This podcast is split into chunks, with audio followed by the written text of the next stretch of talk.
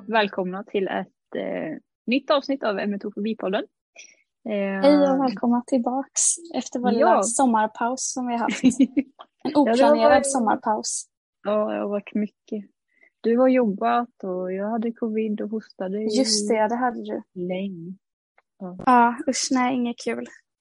Nej, det var inte det roligaste jag varit med om. Men, nu är det men du är frisk nu eller? Ja, hyfsat frisk. Alltså, jag blir ju lite så här, tjock i halsen ibland och, och hostar. Mm. Och det gick bra med fobin?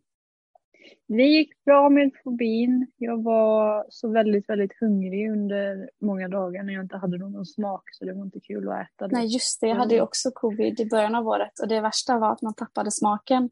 Ja. För då blir man så himla typ, medveten om texturer i maten. Exakt. Alltså, eftersom att man inte märker någonting annat så smakar ju allt, ingenting smakar någonting och så känner man bara hur typ, geggigt allting är när man äter. Exakt, och då blir det bara vidrigt. Ja, nej det är inget kul.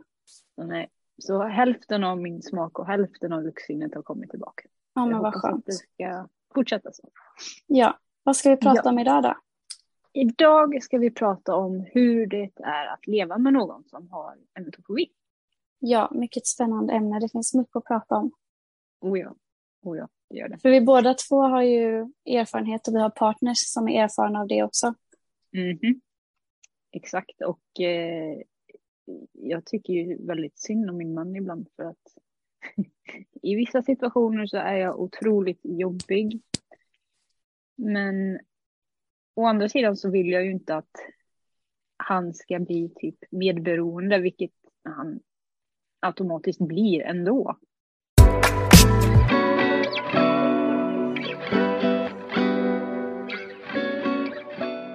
Vi tänkte börja prata lite om hur det är att leva med metofobi och vilket stöd man kan känna att man behöver från den man lever tillsammans med eller familj eller vänner och så vidare. Och jag tror att det är lite individuellt där vad man själv känner att man behöver och vill. Till mm. exempel så vet jag att eh, i början så hade jag svårt att berätta för folk i min omgivning att jag hade spyfobi för jag tyckte att det var väldigt pinsamt av någon anledning, vilket jag inte tycker är en annan man säger det. Så då blev det att jag inte tog emot något stöd från varken familj eller vänner för att de visste ju inte om det. Mm. Men sedan så blev det ju att när jag berättade för min, då, eh, min dåvarande pojkvän så blev det att jag blev väldigt eh, beroende av honom på ett sätt när det kom till både stöd och support. Det där känner jag så väl igen, att vara beroende av sin partner. För eh, ofta när jag får ångest så mår jag ju också illa, självklart. Det är jag inte ensam om.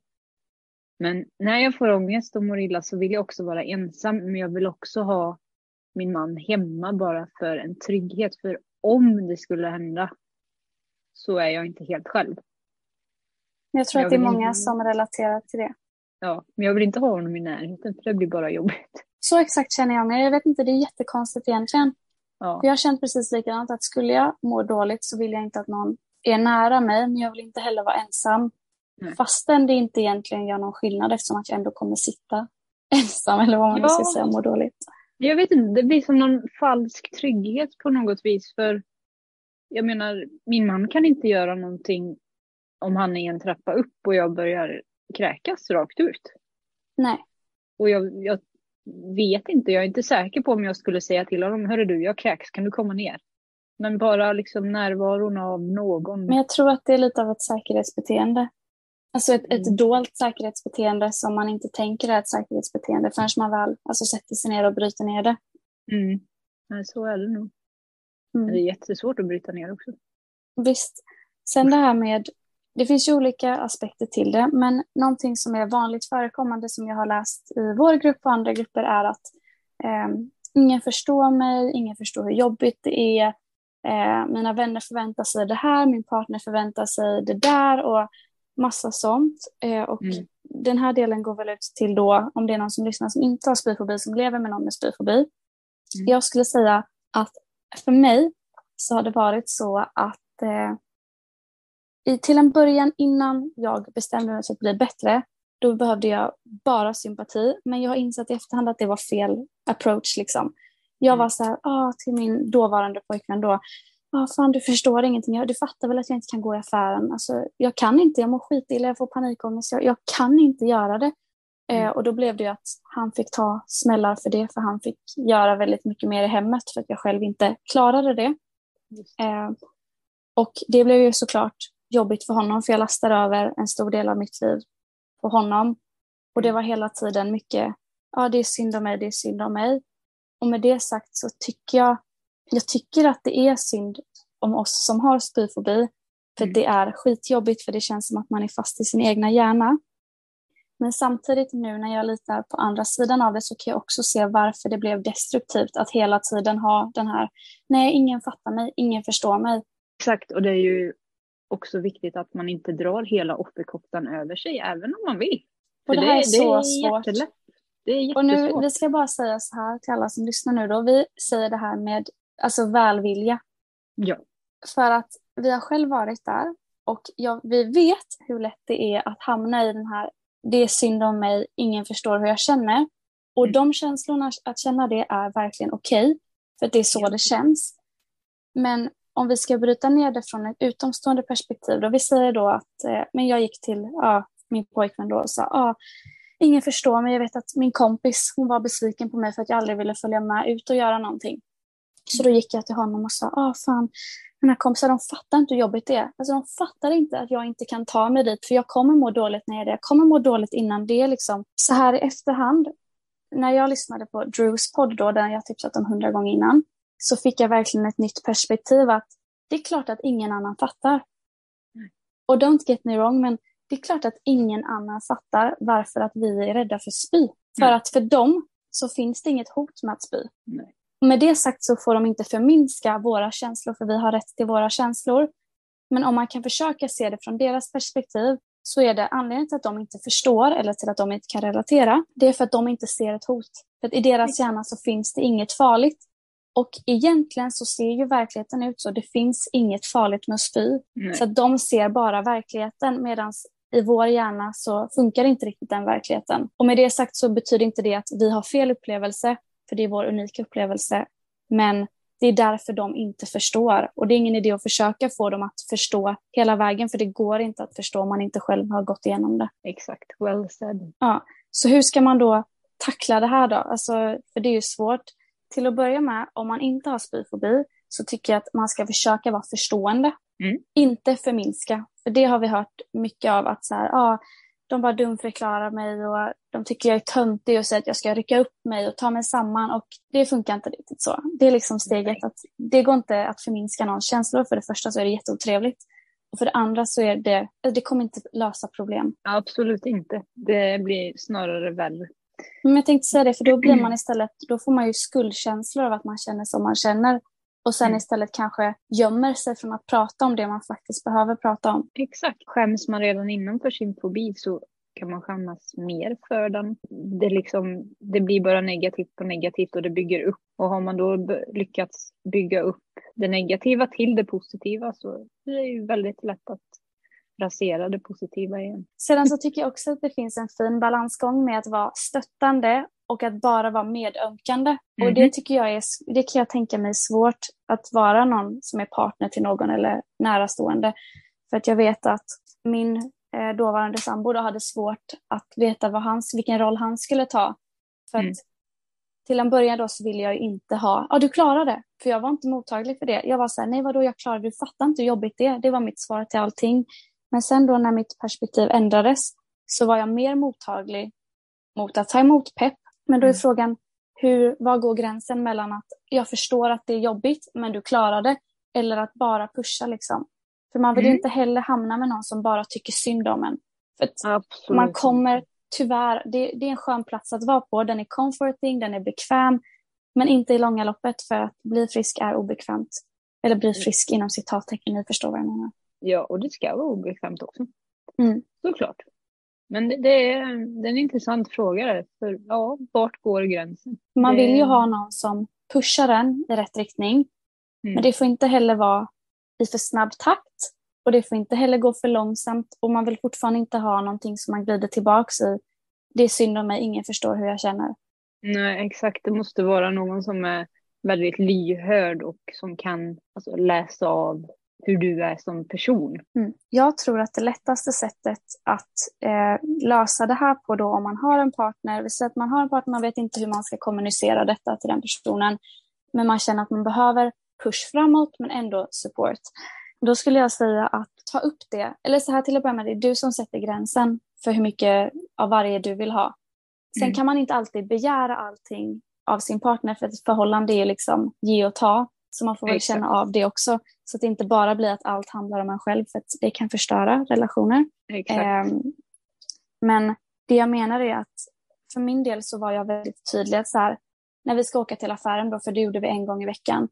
Då var jag så här, jag kommer säkert säga det är skitjobbigt, jag vill inte, jag kan inte. Men då vill jag att hur sur jag än är så vill jag att du tar med mig till affären.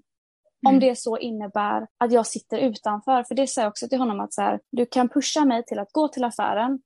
Men om jag känner att jag idag bara kan sitta alltså innanför, alltså precis innan man går in i affären, mm. då behöver jag stöttning i att jag kan sitta där och ta min tid. Mm. Så det blev en kompromiss att jag inte helt undvek det, men att man inte heller pushade för långt i början då när jag inte ens kunde gå in i affären. Att Nej, då var han så här, jag förstår att det känns jobbigt för dig att sitta här, så jag kan ta handlingen idag. Mm. Till exempel då. Ja, men det, det, det, är ett fint och bra sätt att göra så, för då var du ändå med. Men du behövde inte göra det jobbiga så att säga. Ja, eller jag gjorde det jobbigt. Eller jag, jag, jag behövde det... inte göra det som var omöjligt där och då. Men jag Nej. förstår att du menade det. Ja, men, ja, men på så sätt så kunde jag ändå vara delaktig i vår gemensamma hemsyssla. Jag kunde hjälpa till att bära kassarna. Jag kunde ja. hjälpa till, jag skrev inköpslistan. Alltså att man känner att man kan möta varandra någonstans. Ja, att vara deltagande i, i vardagen. Det är ju mm. många som, som inte kan. Och att känna sig helt värdelös i bristen mm. på bättre ord, det, det, är en fruktansvärd känsla. Jag tror man försöker, får försöka hitta det man kan göra och bidra med det som... Det jag tänkte på också, det här med att hur man ska ta sig från punkt A till B, det är att i grund och botten så ligger allt ansvar på en själv. Mm. Oavsett om man har en jättestörtande partner som verkligen vill ens bästa eller inte då, så ligger i grund och botten ansvaret på att bli bättre på sig själv. Mm. Det är så himla lätt att glömma det. Ja. Eh, speciellt när man är fast i, jag tycker synd om mig själv-stadiet, vilket är ett okej stadie att vara i för att alla är där till en början. Absolut, och det, det kommer alltså un, under, under resans gång också att känna så, men de blir färre och färre. Mm, precis. Men jag, jag tänker så här, vi har ju pratat om hur en partner kan bete sig. Men vi säger, eh, alltså jag fick en fråga av min kusin för ett tag sedan och någon som är mer utanför. Hur, hur ska de bete sig då? Det, det är ju lite så här knepigt för man kanske inte pratar om sin fobi med alla familjer. De, den närmaste familjen kanske vet lite, men någon som man inte umgås så mycket med och den kanske står och lagar mat och man sitter själv och tänker mm, nej, det, det, här känns ju inte riktigt bra. Vad gör man i ett sånt läge till exempel? Ska man säga, hörru du, eh, jag kommer inte äta din mat för jag har inte gjort den själv eller hänger du med på hur jag menar? Jag fattar precis vad du menar. Samtidigt så är jag fel person av två anledningar till att fråga. jag ska förklara varför först. Det första är för att jag har aldrig haft problem att någon lagar mat till mig. Det har aldrig varit en skräck i min fobi. Så att, eftersom att jag inte är rädd för det så, så är mitt svar nu då, vilket inte är rimligt för någon med fobi, vilket jag vet, så jag bara säger att jag vet det nu, det är att utmana dig själv att äta den ändå. Mm. Vilket jag vet att det går inte bara att säga så, utan det krävs eh, övning och det krävs att man bestämmer sig och att man vågar gå emot fobin. Mm. Det är det första. Och sen det andra är att jag har inte heller erfarenhet av att folk i min omgivning vet om det. Eh, speciellt inte släkt då. Däremot så har jag ju vänner som vet att jag har spyfobi, men jag har sagt åt dem att behandla mig som om jag inte hade det. Alltså det... dra med mig på saker. Eh, sen, så finns, sen så vet jag att skulle jag behöva gå undan så vet jag att mina vänner är okej okay med det. Mm. Eh, jag skulle iväg med en kompis för, innan sommaren och så skulle vi åka spårvagn typ 40 minuter bort och vi skulle äta på en pizzeria som jag aldrig hade ätit på. Jag kollade inga recensioner och vi skulle vara hos en människa som jag aldrig varit hos innan. Så det var liksom alla värsta tänkbara moment på en och samma dag. Så jag sa till henne att jag tycker det här är skitjobbigt, jag vill inte gå. Och så sa hon, jo men vi åker nu. Och jag bara okej, okay, om du säger det så då gör vi väl det. Men hon var även tydlig med att om du behöver gå ut så går jag med dig om du behöver det. Mm. Om du behöver ta en paus från sociala umgänget så löser vi det. Så att hon Det- behandlar mig som normalt, som jag inte Mm. hade fobi, bara det att hon har hänsyn till att får jag mycket ångest så kan hon också stötta mig i det när det väl behövs. Exakt. Och jag tror den delen är så otroligt viktig. Att veta liksom att behöver jag gå undan så är det helt okej. Det är ingen som dömer mig för det. Jag tänker liksom en, en normal människa så att säga. Som behöver gå ut och ta lite luft eller vad som helst. En diabetiker. Vad heter det? Diabetiker. Som behöver ta insulin eller någonting. Ja, ja, okej. Jag själv, jag har jättesvårt att äta med folk. Ja, jag med faktiskt. Eh, blir superstressad och tror att jag kommer svälja fel och hej och hå. Och i julas så firade vi ju med familjen. Men jag gick undan och liksom åt och de flesta vet liksom hur, hur jag funkar. Så jag gick och åt och sen kom jag upp igen. Där blev det fortfarande att du utmanade båda och. Bara Ja. du gjorde det på ett tryggt sätt liksom, för din egna skull. Precis. Jag var, jag var inte deltagande vid matbordet men... Men du, var, ändå- du blev ju fortfarande en stor utmaning hela resten av julafton säkerligen. Ja, gud ja. Det gjorde det. Ja, för jag har också så att jag har svårt att äta bland människor för jag blir så himla medveten just precis då när jag äter. Men det som har funkat, eftersom att folk i min omgivning inte vet att jag har spyfobi då, så har det blivit att jag äter ju ändå motvilligt och långsamt och lite i Mm. taget. Mm. Eh, Och det är det enda sättet jag har copat med att jag så här, jag tar det i min takt. Det tar lång tid men det går. Klart att det går. Och- Men jag tänker att jag ska passa tillbaks frågan till dig. Hur tycker du att man ska göra så som när din kusin hade frågat? Jag tycker att behandla oss som vanligt folk egentligen. Det är det vi vinner Jag tror faktiskt att det är en sån tough pill to swallow, men jag tror tyvärr att det är det enda sättet. För att på samma sätt som när jag har ångest så brukar jag tänka, vad hade en människa utan spyfobi gjort? Mm. Så lever jag lite efter att så här, jag härmar, för det har min psykolog sagt också, att testa härma beteenden då. Mm. För det vi gör nu det är att vi håller på att lära om vår hjärna till att inte vara så rädda för saker. Nej. Så då var hon så här, men om du testar att härma någon annan då? Alltså om du inte kan vara dig själv när du gör, eller så här, om du inte känner att du själv kan hantera det, härma någon annans beteende då? Vad hade Mm. den personen gjort? Och det brukar jag göra. Så då tänker jag att det kanske funkar i reverse också, att så här, hur ska jag behandla någon med spyfobi? Jo, jag ska vara förstående och jag ska vara stöttande. Men Mm. jag ska inte heller undvika att leva som var, eller, eller förstår du? Jag ska inte heller anpassa hela min vardag för att den personens vardag ska inom citattecken funka och inte bli Mm. bättre i längden. Nej, jag förstår hur du menar. Ibland så kan jag se sådana här jättesvåra utmaningar som, som jag tycker är svåra. Eh, så kan jag ibland se det som ett jobb som måste Mm. vara gjort. Så jag lägger typ, jag lägger mig själv, alltså jag lägger, försöker lägga mina känslor åt sidan och säga att jag måste få det här gjort. För, ja. Men jag tror att det är en jättebra grej. Alltså jag tror verkligen att det är jättebra för att jag säger inte att ens egna känslor är oviktiga, för det är Nej. jätteviktigt. Men det jag menar på är att när vi har de här fobikänslorna som är väldigt, väldigt starka, som tar över väldigt mycket, så är de sällan, alltså det, typ när vi är rädda för att spy så är inte det ett inom citattecken riktigt hot. Det är ju Nej. bara ett hot som vi har målat upp i hjärnan. Och att då göra som du gör, att bara så här, ja men nu lägger jag undan det en liten stund, Mm. så kan man plocka upp dem sen och se om de Ja. fortfarande finns kvar. Jag tycker det, det är typ det bästa tipset jag har hört. Det var jättebra. Mm, mm. Det, det får en att göra de mest konstiga grejerna ibland, men på ett bra sätt. Ja, för lite så. Nu har jag ju jobbat hela sommaren. Jag har jobbat 40 timmar i veckan och jag var faktiskt... Förra året så var det fruktansvärt. För då hade jag Mm. också ångest eh, och då försökte jag knuffa undan ångesten. Men Mm. nu då varje gång, jag vet att varje dag så ska jag till jobbet. Mm. Och det är liksom, det är ett måste. Så vad ska jag bråka med mina känslor om det om? Det är så här, när jag ska åka till jobbet då har jag ångest. Som igår när jag cyklade till jobbet hade jag det. Då är det så ja men jag måste ju till jobbet. Då får Mm. väl de hänga på då. Eller så får de Precis. vara någon annanstans. Men jag måste till jobbet. De får återkomma efter arbetstid. Ja, eller under arbetstid eller när som helst. Men bara för att de är där så betyder det inte att jag inte kan jobba. Jag måste ju jobba. Nej. Det var ju mitt Exakt. måste, så som du Exakt. sa.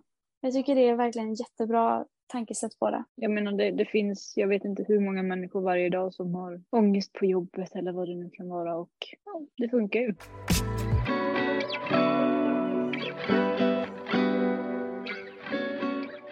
Så, eh, jag tror vi har fått med det mesta som vi ville prata om idag. Och som vanligt eh, har ni någonting att fråga om eller eh, vill Åsikter. Åsikter heter det, precis. Skriv en kommentar. Feedback tar vi gärna också emot. Och om ni har någonting ni vill att vi pratar om i kommande avsnitt så tar vi gärna emot det också. Det går bra att skriva under inlägget i vår Facebookgrupp som heter Emetofobi och psykisk ohälsa, positivt tänkande och pepp.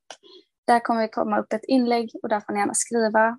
Och om inte annat så står våra eh, DMs på Messenger öppna Ja. för förslag och kommentarer och allt vad det nu är. Yes, alltid. Så, tack för att ni har lyssnat den här veckan. Förhoppningsvis Ja. så kommer det ett poddavsnitt redan nästa vecka om eh, omständigheterna tillåter. Sommarpausen är i alla fall över. Ja, det är den. Och det är så skönt att prata med dig igen, Hanna. Jag Jättekul. håller med. Nu ska jag ut i solen och fånga dagen. Ja, det låter underbart. Vi hörs igen nästa vecka allihopa. Det gör vi. Hej svejs! Hej då!